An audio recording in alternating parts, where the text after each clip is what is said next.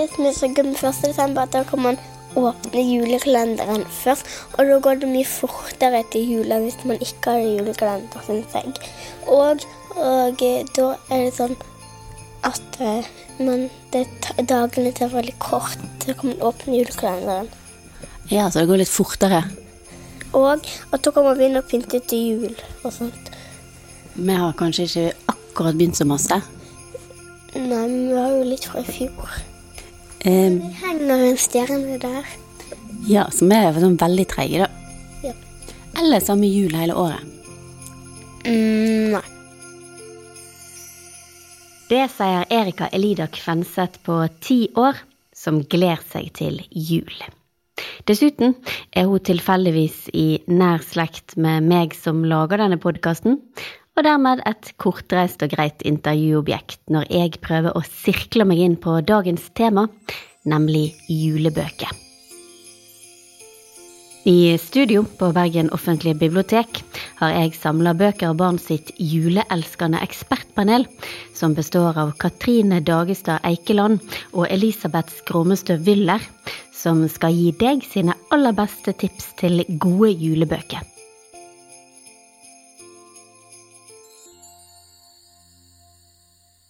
Vil du begynne, Katrine? Jeg ser du har pyntet deg til jul allerede. Ja, ja, ja. Disse fine hårbøylene. Jeg, eh, hver, jeg prøver liksom hvert år å se om jeg finner en ny en, så jeg kan liksom utvide samlingen min litt. Og så i dagene før jul så kommer jeg med en sånn på jobb for å skape litt julestemning nede på barneavdelingen. Og hvis man er heldig, så har jeg til og med en julegenser på. Og i år har jeg til og med kjøpt meg en julekjole, så jeg tenkte jeg skulle ha på meg på lille julaften. Sånn skikkelig sånn tacky, sånn gaveinnpakket uh, greie. Så det, det, det gir julestemning. Du er på en måte en slags juleentusiast, da. Ve- ja, veldig. Eller ikke på en måte, bare veldig Ja, veldig. Mm. Ja. Det er ingenting imellom her, altså. Ja. Alt kan gi meg julestemning. Ja. Pynte juletre kanskje spesielt, og bare det å se på det pyntede treet med lys på. Utelys òg. er så kjekt. Her om dagen så gikk jeg gjennom nabolaget, og nå har de liksom begynt rundt meg å henge opp disse julelysene og sånn utenfor. Og når det er så mørkt ute, og du ser alle disse lysene og blinkingen og motivene de henger opp, det er jo bare så kjent. Jeg kjenner det svulmer i hjertet. Eh, Elisabeth, er du på samme juleplanet, eller? Nei, absolutt ikke en vandrende Netflix-julefilm, sånn som Katrine. Jeg kjenner litt på det, faktisk, for jeg har jo barn, og en må jo på en måte prøve, men jeg får ikke julestemning før pinnekjøttet er på kok, liksom. På julaften? Eh, ja. Det, og den går fort over òg. Jeg pleier å være ganske lei når eh, vi kommer til sånn fjerde juledag, i hvert fall. Men det er jo mange ting som eh, smaker godt. Og så er det jo selvfølgelig noen eh, Jeg husker jo hvordan det var å være liten og glede seg til jul, jeg òg. Men eh, jeg vet ikke, jeg føler at voksenlivet gjør jo at det blir eh, Jeg må anstrenge meg litt for å klare å lage liksom, julestemning for mine barn. Og føler liksom jeg har fått eh, skikkelig eh, mange poeng i og med at jeg eh, organiserte pepperkakehuspynting i går. Eh, så nå kommer ikke jeg til å gjøre noe de neste to ukene. Retningen, for jeg begynte veldig sterkt. Ja. Det, Men julestemning og bøker, da, har det noe Vi går rett inn der vi skal, nemlig julebøker. Fordi det nærmer seg jo jul, plutselig. Og det betyr òg at det er en juleutstilling i barneavdelingen med julebøker. Eh, Og det er egentlig derfor det har kommet her i dag, for å fortelle om hva bøker som gir dere julestemning. Og dele noen tips om hva bøker en kan lese sammen med barna sine, eller hva bøker barn kan lese på egen hånd. Eh, og snakke litt om hva klassikere som kanskje holder stand, og hva nye julebøker som kanskje kan komme opp på tronen sammen med de gode gamle. Vi kan jo rett og slett bare begynne med ja, Katrine. Hva bøker, eller har du ei bok som liksom gir deg ekstra julestemning? Oh, det, det er jo flere, da. Men jeg må jo innrømme at uh, Charles Dickens sin En julefortelling, den må leses eller ses, kanskje begge deler, årlig. Kanskje til og med i flere filmatiserte utgaver. Det er liksom noe med denne her fortellingen om denne her gamle egosentriske grinebiteren som eh, legger om livet sitt og, og blir en gammel uh, mann uh, som òg får mye glede. Som er veldig, veldig fin. Altså, den, den gir virkelig julestemning. En annen som jeg liker veldig godt, og som jeg ser kanskje har kommet litt tilbake, i hvert fall når du tenker på sånn dekorasjonsmessig og sånn i forbindelse med jula, det er jo 'Nøtteknekkeren og musekongen' av ETA Hoffman. som på en måte, Det er jo en gammel bok. for Begge disse bøkene er jo skrevet på 1800-tallet, men de holder jo liksom koken da om Klara eller Marie, som hun også heter, som får den nøtteknekkeren i gave, og så på natten så blir han levende, og så må han kjempe mot den onde musekongen med syv hoder. Så det er jo liksom to sånne fine, sånne gode, gamle klassikere, da. Hva tror du det er med de som gjør at de fortsatt holder seg så eller, relevante, da? Tror i hvert fall når det kommer til Nøtteknekker, noe som har vært med på å holde den i livet, det er jo den fine balletten som settes opp hvert år, med den fine musikken til Tsjajkovskij, da. Mm. Så ja, jeg tror liksom det har på en måte vært med på ja. å liksom holde liv. Og jeg merker jo det at på julespillelisten min så har jeg alltid noen uh, fra ja. Nøtteknekkerballetten som, som popper innom det. Så jeg, mm. synes, mm. jeg tror det i hvert fall har vært med å forsterke at den liksom har holdt koken. Uh, når det kommer til uh, en julefortelling, så har jo den Jeg leste at den har aldri vært out of print. Den har alltid liksom vært tilgjengelig. Den siden den kom i 1843, så har den alltid vært tilgjengelig. På engelsk, da, selvfølgelig. Men så, så det sier jo litt om at det er noe med den historien som fenger. Det er Ja, det, det, er liksom noe med dette her med julemagi. Jeg syns den julemagien kommer veldig godt fram her. Og så er det jo noe med at den er litt mystisk og skummel. Sant? Disse mm. spøkelsene som kommer og besøker han. Uh, han er jo veldig gjenkjennbar, sant? for han har jo ikke alltid vært denne gamle grinebiteren. Han var jo egentlig et barn som gledet seg til jul, og som ikke gjerne hadde så veldig god barndom, foreldre som brydde seg så mye. sant? Og så har det liksom vært andre ting som har kommet i veien, og så har han mistet den gleden ved jul. Det er jo noe med det å, å finne den tilbake. Og det er jo kanskje litt sånn som Elisabeth òg. Han hadde veldig ja, gledet seg veldig til jul når du var barn, og så når du blir eldre, så mister du den litt. Og så kan du få den tilbake igjen, Elisabeth. Den er ikke tapt for alltid. Nei, jeg får nesten Jeg blir litt rørt bare du liksom nevner de elementene i en julefortelling, for det er så masse der som er så veldig sånn eh, Ja. Det er jo sånn Setter jo i gang følelser som sikkert du òg har.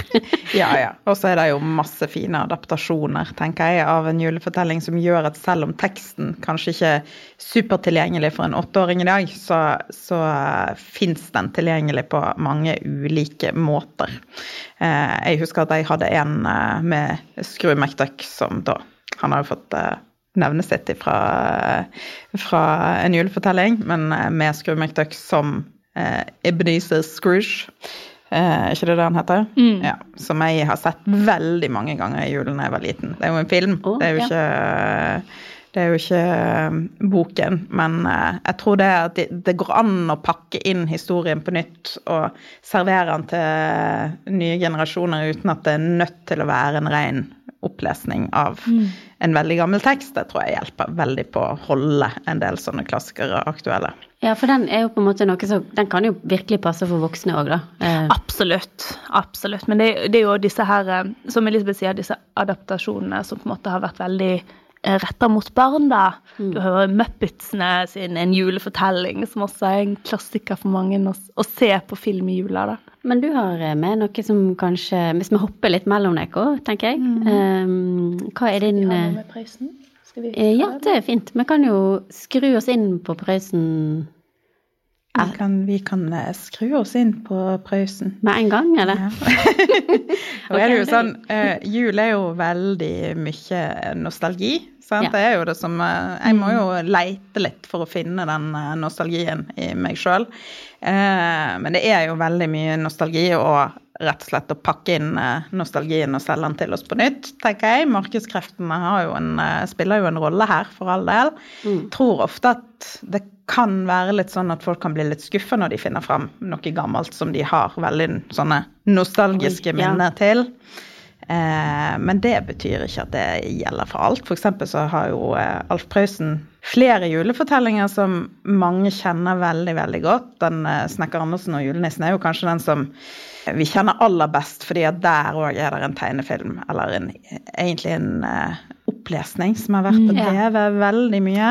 Den går jo hver eh, julaften. hver julaften. Den er ganske koselig. Eh, personlig så syns jo jeg 'Bygda som glemte at det var jul'. Ja, den er fin. Ja. Den er For den har på en måte et, et lite glimt i øyet som, som ja. jeg føler at fremdeles er dette morsomt. At alle de voksne, eller alle som bor der, har glemt at det var jul. Og så er det da en liten jente som oppdager at uh, hei, det er, det er, jul i dag, liksom. Og setter i gang hele, hele bygden, sånn at uh, det faktisk blir jul til julen ringes inn. Så for meg så tror jeg det er litt det der at der er det faktisk Det er ikke bare nostalgi, der er òg en humor der det er veldig morsomt at, uh, at de glemmer alt mulig, og til og med det at det er jul. Så den syns jeg fortsatt er veldig fin. Og så er det jo Astrid Lindgren har jo mange forskjellige julefortellinger. Og jeg har en personlig favoritt som er 'Semarikken det snør'. Den, jeg føler at den boken har absolutt alt. Men bare smile og nikke. Den, er så fin. Den bare er så fin. Den er, den er jo nostalgisk, for at Marikken hun eh, vokser vel opp på, på starten av 1900-tallet. Eh, så det er jo på en måte veldig sånn koselig, gammeldags jul i disse illustrasjonene til Lundvikland, som fortsatt er i eh, de utgavene som vi har. Vi har den som bildebok eller i bildebokformat. Og så fins den òg i noen antologier, så hvis folk skal låne den, så kan det hende at det kan være lurt å spørre seg fram hvis det er tomt. Men den har virkelig alt. Den, har, eh, den klarer på en måte å formidle det der å glede seg til jul. Skuffelsen når ting ikke blir helt sånn som de skulle være. Eh, for jeg tror kanskje dette er den eneste historien om Elisabeth og Marikken der det er Elisabeth som er hovedpersonen. Oh, det er litt fint, da. Eh, ja, det, jeg prøvde å tenke gjennom liksom, Nei, det er stort sett Marikken sitt eh, perspektiv som kommer igjennom. Men her så er det Elisabeth, og det er rett og slett av en veldig enkel grunn, fordi at uh, de er ute og leker i snøen og Marikken blir forkjøla rett før jul og kan ikke være med til byen for å kjøpe julegaver. Og det er så velkjent. Ja. Men det er jo like grusomt. ja, det er like grusomt. Og Elisabeth kjenner jo veldig på dette her. Samtidig skal hun ut og kjøpe gave til Marikken. Syns veldig synd i Marikken. Samtidig så er hun jo fem-seks år, så hun er jo òg veldig opptatt av hva hun ønsker seg til jul sjøl. Og i likhet med meg, i hvert fall veldig lett å distrahere. Så det som liksom Det er ganske mye action i denne boken. For det at Elisabeth eh, står utenfor lekebutikken og venter. Også for å tøffe seg for noen gutter, så hopper hun på en slede. Eh, og den sleden den eh, kjøres da av en god gammeldags fullemann. Eh, ja. Eh, så han kjører av gårde, og det er faktisk det er veldig, veldig tydelig, for han etter hvert når de har kommet ut av byen, så synger han en sang om at han har tenkt å bli veldig full veldig snart. og der syns jeg faktisk skal en lese denne til så må en dra på der, altså, for å få fram dramatikken. Her står hun bak på sleden, og så begynner han å synge om at nå skal han snart bli full. Mm. Eh, så ganske skummelt for et lite barn. Og eh, ja, til slutt så Ikke til slutt, midt i så eh, så hopper hun jo av denne sleden, for hun skjønner jo at uh, dette her er ikke en ansvarlig voksen person. Jeg skal ikke spoile hele fortellingen, men det går eh, rimelig eh, greit til slutt. og jeg syns jo dette her er jo òg Det er kanskje en sånn lillesøstergreie òg. Det å ha liksom heltinne som nesten heter Elisabeth og er lillesøster, som ordner opp sjøl, det syns jeg alltid var veldig, veldig fint. Eh, og jeg har lest den for egne barn med stor suksess. Eh, og de er ikke sånne, sånne, barn som hører på hva som helst, for å si det sånn. Eh, så den anbefaler jeg alle å ta frem hvis du vil ha noe som gir skikkelig julestemning og har, uh, har ja, litt sånn historiske røtter, på en måte. Den kan jo kanskje passe Eller ja, hva alder opp og ned ser du for deg? Jeg tenker at sånn ifra fem år. Sånn fem til åtte kanskje helt perfekt. Og så er jo barn veldig ulike, da. Der er Noen barn vil nok være interessert tidligere. Og der er fine illustrasjoner her å se på, men det er jo òg en del tekst, så en må liksom Det er ikke en det er ikke en bildebok for treåringer, for å si det sånn. Så barn som tåler at, eh, at uh, der er litt tekst, uh, men som liker fine bilder, og julepresanger. Mm. Nesten alle, med andre ord. du har en annen klassiker med deg, Katrine? Det har jeg. Men det som kanskje er litt artig med denne, det er jo at dette er jo en god gammeldags klassiker i USA. Den ble først utgitt i 1823, og da ble den utgitt anonymt i en avis. Og så etter det så bare balla det på seg. Og dette er jo en fortelling som jeg ikke kjenner til fra min oppvekst.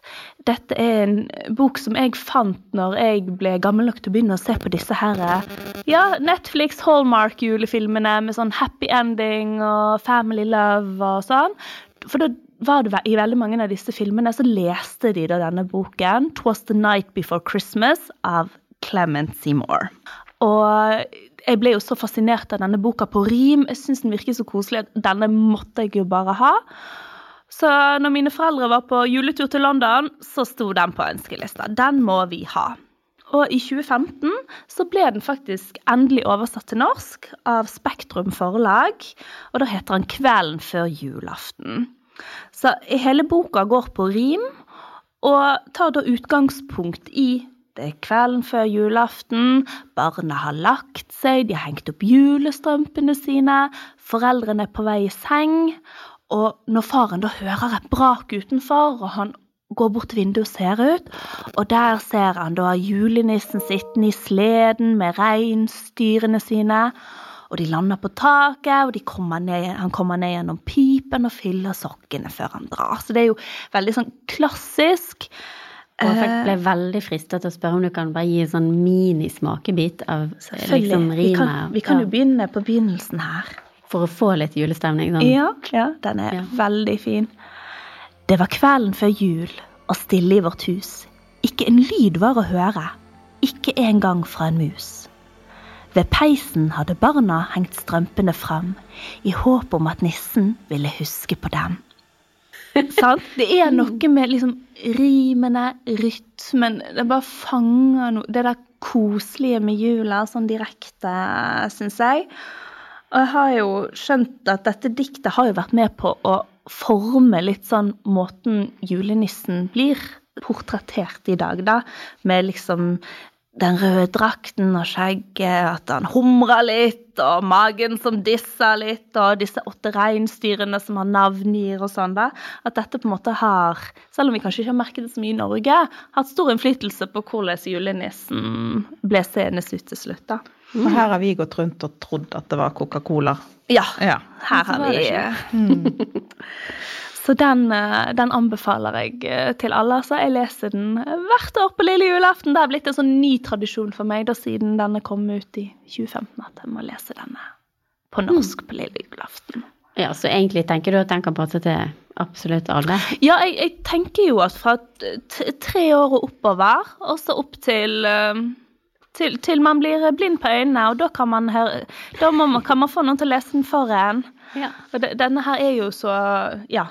Jeg ser at du har begynt, eller holder opp ei annen bok når vi liksom er inne på julenissen. Um, hva er det du har med deg eh, her? Ja, jeg tenkte at det passet å gå over til den, da, siden vi har uh, fått uh, julenissen ganske grundig presentert. Eh, dette her er en bok av Matt Haig, som da er oversatt fra engelsk, som heter 'Gutten som ble julenissen'. Yes. Og det er en eh, hva skal jeg si, ny, litt eh, frisk vri på hvordan julenissen ble til, da. Det er jo mange, Man vet jo at julenissen liksom bor i Finland. Det var jo tidligere, før den amerikanske, at han bor på Nordpolen, liksom fikk fotfeste. Så var det jo det at han, han bodde i Finland. Og det gjør han på et vis her òg. Den handler om en uh, gutt som heter Nicholas, som kanskje, jeg tror kanskje han er sånn uh, et sted mellom åtte og elleve år. Som uh, bor sammen med faren sin i Finland. Der er, det er ganske sånn trasige tider. De har lite mat. så faren tar på seg et oppdrag. Han skal reise nordover for å finne liksom håp for det at eh, langt nord for dette stedet de bor, så ryktes det at det er et sted der alver bor. Og det er det jo selvfølgelig.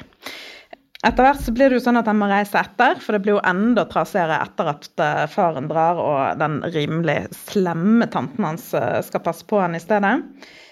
Og ja, jeg kan spoile såpass at det er en by ganske langt nord der det bor alver.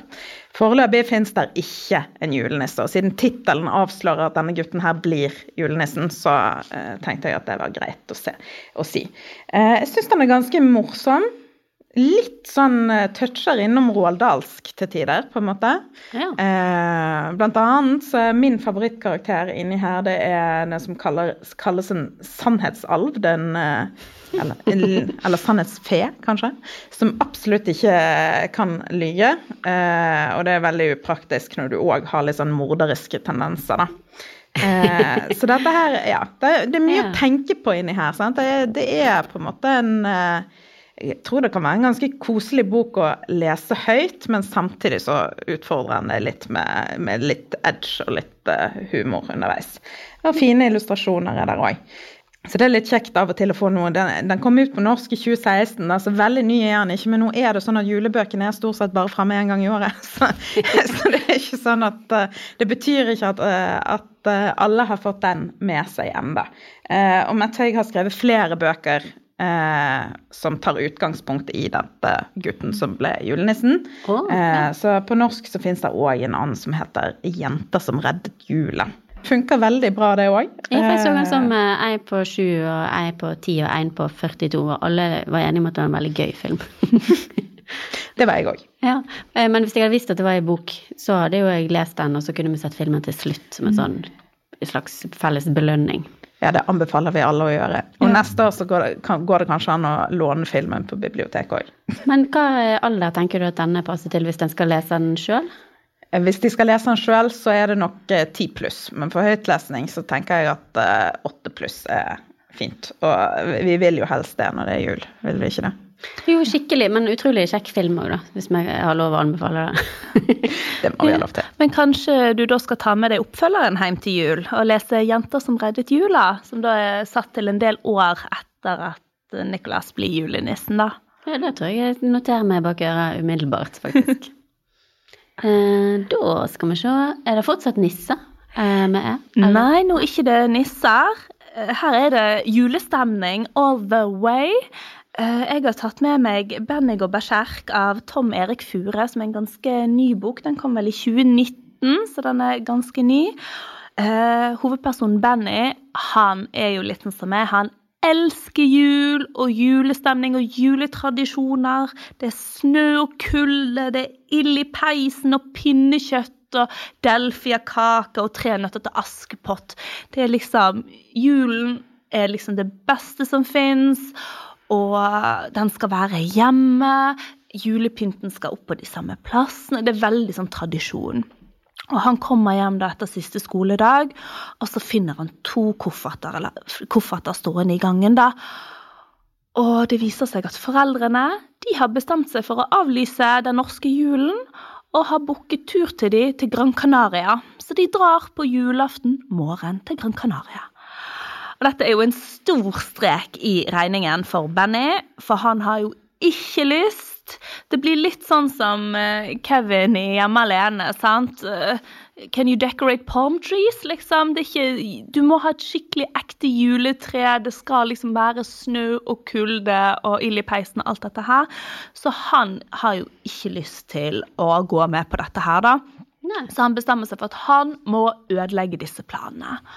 Men hvor lett er det for et barn å sørge for på så kort varsel at familien ikke skal dra på ferie? Han prøver å rive i stykker billettene, men da er det jo bare for faren å printe ut nye. Men hva med passene? Jo, men det fins jo nødpass. Han må rett og slett få avbestilt reisen. Men det er jo ikke bare bare for en ung gutt å få avbestilt reisen, og spesielt ikke når eh, det er en eh, mann som jobber i reiseselskapet som er veldig opptatt av at de skal få gjennomført denne sydenturen. Så det blir veldig sånn humoristisk, gøy og artig. Eh, ja, den, denne var rett og slett uh, Ja, jeg koste meg masse når jeg leste denne. Det var masse humor og jeg kjenner meg veldig igjen i gutten som bare Nei, kan ikke komme her og ødelegge julen med Syden og varme og badebukser. Det hører ikke julen til.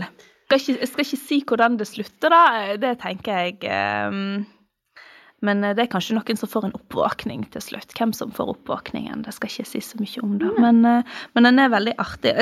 Den har, jeg føler den har litt sånn flere av disse sånn hjemme alene-tendensene. Litt sånn humoristisk. eh, for å avsløre litt mer, da, det er jo denne her personen som har solgt i denne turen, som har veldig lyst til at de skal gjennomføre turen. Sånn at når, når han får inntrykk av at turen kan bli avbestilt, så vil jo han eh, komme hjem til Benny og de og snakke med foreldrene, og det kan jo ikke Benny ha noe av. Så da må han legge planer hvordan han skal holde denne mannen unna foreldrene, da. Men hva, ja, hva, eh, alder tror du at den er best for, eller kan passe til? Jeg tenker Vi kan jo kanskje gå litt lenger ned på denne. Eh, seks-syv år hvis man skal lese høyt. Tror ikke, ikke du er enig, Elisabeth? Kan vi gå så langt ned på den? I hvert fall åtte, da. Ja. Okay. Eh, det er jo ikke alltid de kan få med seg alt, altså alle nivåer i en bok. Eh, men det betyr jo ikke at det trenger å være en mindre god opplevelse av den grunn. Nei, det er jo noe med den der humoren og, og sånn som ligger her òg, som jeg tror de yngre barna vil synes er veldig artig. Og når man blir eldre, så er det jo flere lag i boka, da.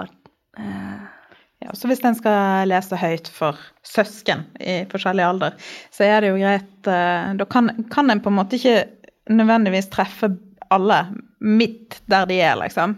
Men jeg tror nok det er noe for uh, de litt yngre i den òg, ja. Mm. Topp. Jeg ser et veldig gøyt omslag som du holder opp her, eh, med en gris ja. og en gutt og et juletre. Hva er det, det du har med deg? Er, det, den heter Julegrisen, som er av, en av årets nye julebøker. Skrevet av den nå ganske kontroversielle forfatteren J.K. Rowling. Julegrisen er ikke så veldig kontroversiell, med mindre enn en uh, tenker på besettelse og sånn, da. Uh, hvorfor kommer dere til å finne ut om en uh, bitte liten stund. okay. Den handler om en uh, gutt som heter Jack, og han er sånn ca. syv år, tror jeg. Og det markerer vel ganske sånn greit alderen der det passer å lese denne høyt ifra. Jeg tror denne kommer til å bli ganske sånn populær på å lese høyt på skoler på tredje trinn og sånn, f.eks. Eh, og vi møter han litt sånn før denne handlingen egentlig går i gang. Eh, fordi at foreldrene til Jack blir skilt. Og dramatikken starter egentlig ikke før moren begynner å etablere seg på nytt. Eh, og får en ny kjæreste. Eh, Jack han har hatt en eh, liten kosegris siden han var bitte liten. Og det står ganske sånn inngående i denne boken her om hvorfor akkurat den kosegrisen er aller best. Den har blitt sugd mest på og vært vasket veldig mange ganger. Og lukter best når han er litt skitten. Mm. eh, jeg sa jo det at moren begynte å etablere seg på nytt. Eh, og det er egentlig ganske sånn, viktig for handlingen i denne boken. Eh, for det at Jack får en stesøster som heter Holly Macauley. Altså som Macauley Culkin. Og det tenker jeg er en ganske sånn klar referanse, for Holly føler seg nok ganske sånn forlatt, rett og slett. Eh, for hennes foreldre er òg skilt. Eh, hun er litt eldre enn Jack. Heldigvis så får vi henne etablert som en ganske snill karakter fra starten av. Så når hun da begynner å bli ganske slem mot Jack, så lurer leseren òg på hvorfor i all verden er hun det. sant? Eh, og hun kaster altså da denne kosegrisen som heter Gissegris ut vinduet av bilen okay. i fart, sånn at det ikke er mulig å få tak i den igjen. Eh, og Jack har selvfølgelig veldig avhengig av denne, så han vil finne den igjen. Eh, og seinere på dagen så kommer da Holly litt motvillig sammen med sin far, tror jeg. Eh, med en erstatning, en lik gris, men den har jo ikke blitt sugd på, og den lukter ikke riktig. Eh, den er bare helt feil, og Jack vil selvfølgelig ikke ha den. Dette er kvelden før, eller det er på julaften, da, for dette er jo en engelsk setting, så det er at den store dagen er jo dagen etter, morgenen 25. Eh, desember. Og julegrisen våkner da til liv og tar med seg Jack til de forsvunnes land for å leite etter Gissegis. For der havner alle ting som eh, forsvinner, rett og slett. Alle ting som vi mister. Eh, og en ting som er ganske påfallende, er at det er veldig, veldig, veldig mange ting. Mm. Eh, så det er jo en fin ting å kunne snakke om òg, da, i, med tanke på materialismen som òg preger julen på et vis. Eh, det er en ganske sånn hva skal jeg si, det er en fantasyfortelling. Det er en uh, portal. Det er veldig mye Alice in Wonderland her, for vi ramler nedover og møter mange rare karakterer og et ganske sånn strengt kontrollert regime i dette landet der alle de forsvunne tingene er. Eh, så det at her, eh, her er det en liksom front, en fasade, eh, og så oppdager jo da julegrisen og Jack at ting er ikke nødvendigvis helt sånn som de får presentert fra starten av. Så de har selvfølgelig et oppdrag de må løse, løse mens de er der, og hjelper nok jeg, kan, trenger ikke spoile og si at eh, de hjelper, men de prøver i hvert fall å hjelpe eh, alle de forsvunne tingene. For selv om mange av de finnes, blir funnet igjen av de som eier de, og da kommer ut av de forsvunnes land, så eh, er det òg mange som må belage seg på å være der til evig tid, og kanskje da bli spist av forsvinneren, som er den onde herskeren i De forsvunnes land. Jeg syns egentlig at denne er ganske vellykka.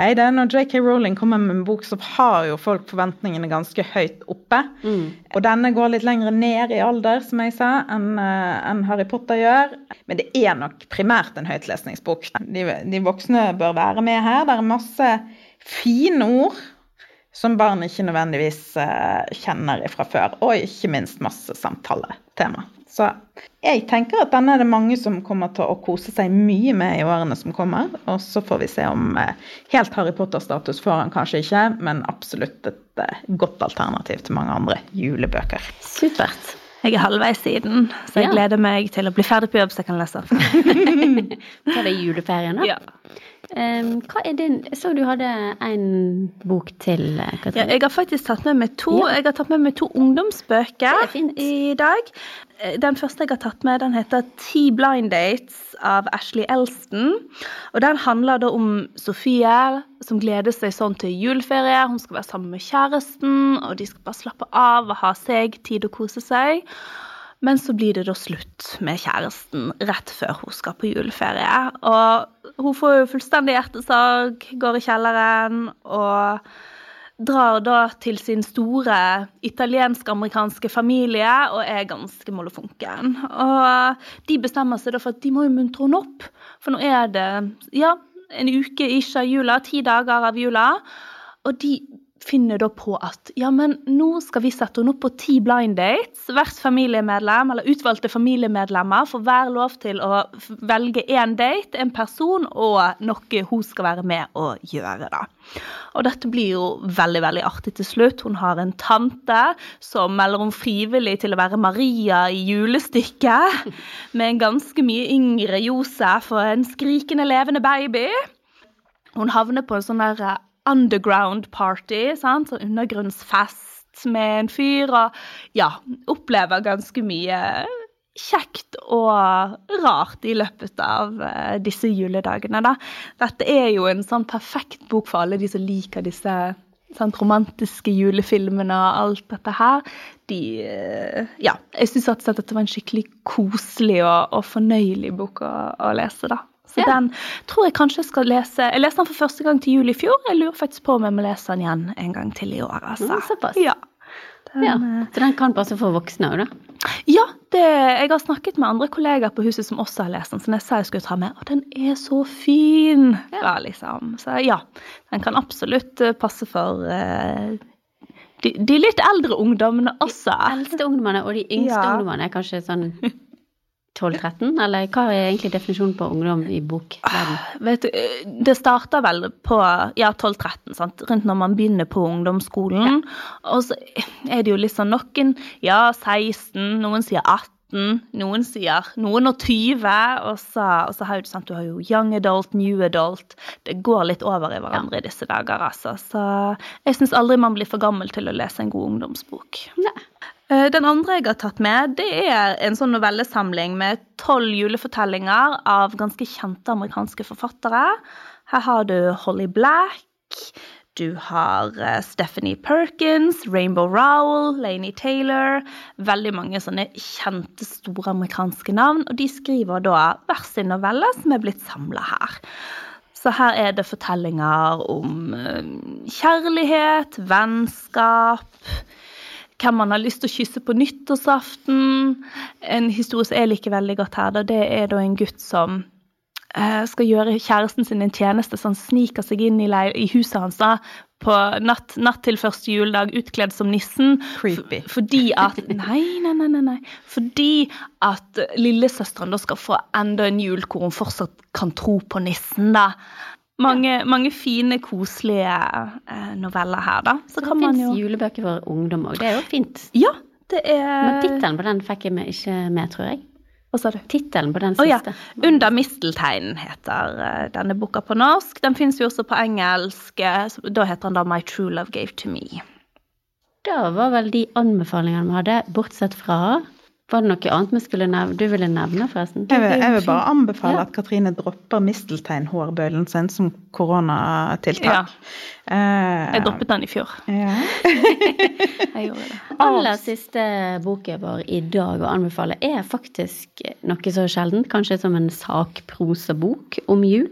Sakprosabok om Julie. Det er Sveinung Lutro og eh, Ronald Jacobsen som har laga denne boken her, som heter 'Skrekkelig jul'. Skumle skapninger som herjer i julen.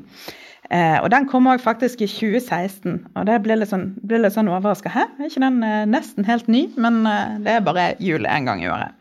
Eh, denne tenker jeg egentlig kan leses fint utenom jul òg, altså. Det er rett og slett en sakprosabok om folketro eh, i Stort sett i Europa, vel. Eh, rundt liksom julefeiring. Og det er jo ikke sånn at julefeiringen alltid har vært kristen, og det kommer ganske tydelig frem her. Og den presenterer da ulike skapninger, som f.eks. Krampus, som eh, i senere år har fått sin egen skrekkfilm. Sant? Det er mange som kjenner til han. Men jeg har noen andre egentlig sånn favoritter inni her, da som blir ganske kort presentert, og så er det noen lengre tekster òg. F.eks. så er det Lucy Langnatt, eh, som eh, jo selvfølgelig må ha en eller annen eh, sammenheng med Sankta Lucia. Men det som er bildet av inni her, det er ikke en pen dame, for å si det sånn. Lucy Langnatt, hun eh, kom jo på 13. desember, hun òg. Eh, og det var sånn ca. på 1200-1300-tallet den tradisjonen eh, starta. Og da var det jo selvfølgelig sånn at barn som ikke hadde oppført seg pent, de kunne bli bortført av Lucy. Og hvis hun ble sint på voksne, så rev hun ned skorsteinen eller skada de. Og hvis det ikke var rent i fjøset Jeg syns jo det er litt forfriskende at hun faktisk er litt på de voksne òg. Hvis du ikke hadde gjort rent i fjøset før jul, så kasta hun skitt i grøten din. Mm. Så det, det syns jeg er litt det, det, er en av mine favoritter, men jeg tror faktisk den jeg har likt aller best inni her, det er det som heter julekarer. Det er et islandsk fenomen som en kan spore tilbake til sånn ca. 1600-tallet. Ja, og de ser ut som troll ut ifra tegningen her, altså. Litt sånne gode og runde troll. Og i Norge så har vi hatt noen lignende som ble kalt for julevetter eller julesveiner, men det er tydeligvis ikke like godt dokumentert. da. De er sånn ca. like store som oss. Og tidligere så pinte og spiste de selvfølgelig små barn.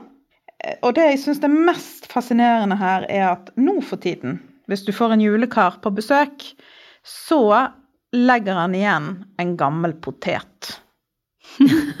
Han lar være å spise og pine små barn, men du får en gammel potet. Det ryktes jo at det er noe du kan få litt vondt i magen av, da. Men uh, det er ikke så veldig skummelt, men det er ganske morsomt. Og det uh, Ja, dette for, for, de som er litt interessert uh, i å finne ut hvor tradisjonene våre og ja, veldig mange av disse mytene kommer ifra, og kanskje dra litt paralleller til sånn julefeiringen er i dag, så tror jeg dette er en veldig artig og spennende bok. Og ikke minst for de som ikke nødvendigvis har tid til å lese en tjukk roman fra perm til perm i desember, for det er ganske travelt med korpsavslutning og fotballavslutning og skoleavslutning. Sant nok. Ja. ja. Men eh, det ser ut som det er veldig masse fine bilder en kan se på der, da. Ja. Som sagt, Lucy er ikke en uh, veldig pen dame. Der er illustrasjoner til alle, og det, den er veldig sånn pen, da, med med sånne eventyrbokstaver. Ja, den er litt sånn praktbokaktig i innpakningen? Ja. En, vel, en skummel, litt ekkel praktbok. Ja, Men alt kan ikke være for koselig? Nei, det, det kan ikke det. Og jeg tror det er mange gutter spesielt som kanskje blir mer eh, engasjert av dette her enn julegrisen, kanskje. Ja. ja. Ja, men veldig, veldig fint. Jeg har i hvert fall fått utrolig masse lestips eh, nå. Og det er jo ikke alltid det er sånn at uh, verken det som er veldig kommersielt og nytt, eller det som er veldig gammelt, fremdeles uh, fungerer så veldig bra for dagens barn.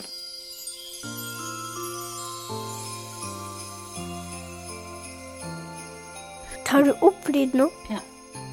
Nei, at jeg vet ikke alle bøkene leser heter, for det er jo ganske mange, faktisk. Men jeg husker ikke alle hva de heter. Nei. Hva heter den røde boka du har begynt å lese nå nettopp, da? Det ser ut som den har, kanskje handler litt om jul.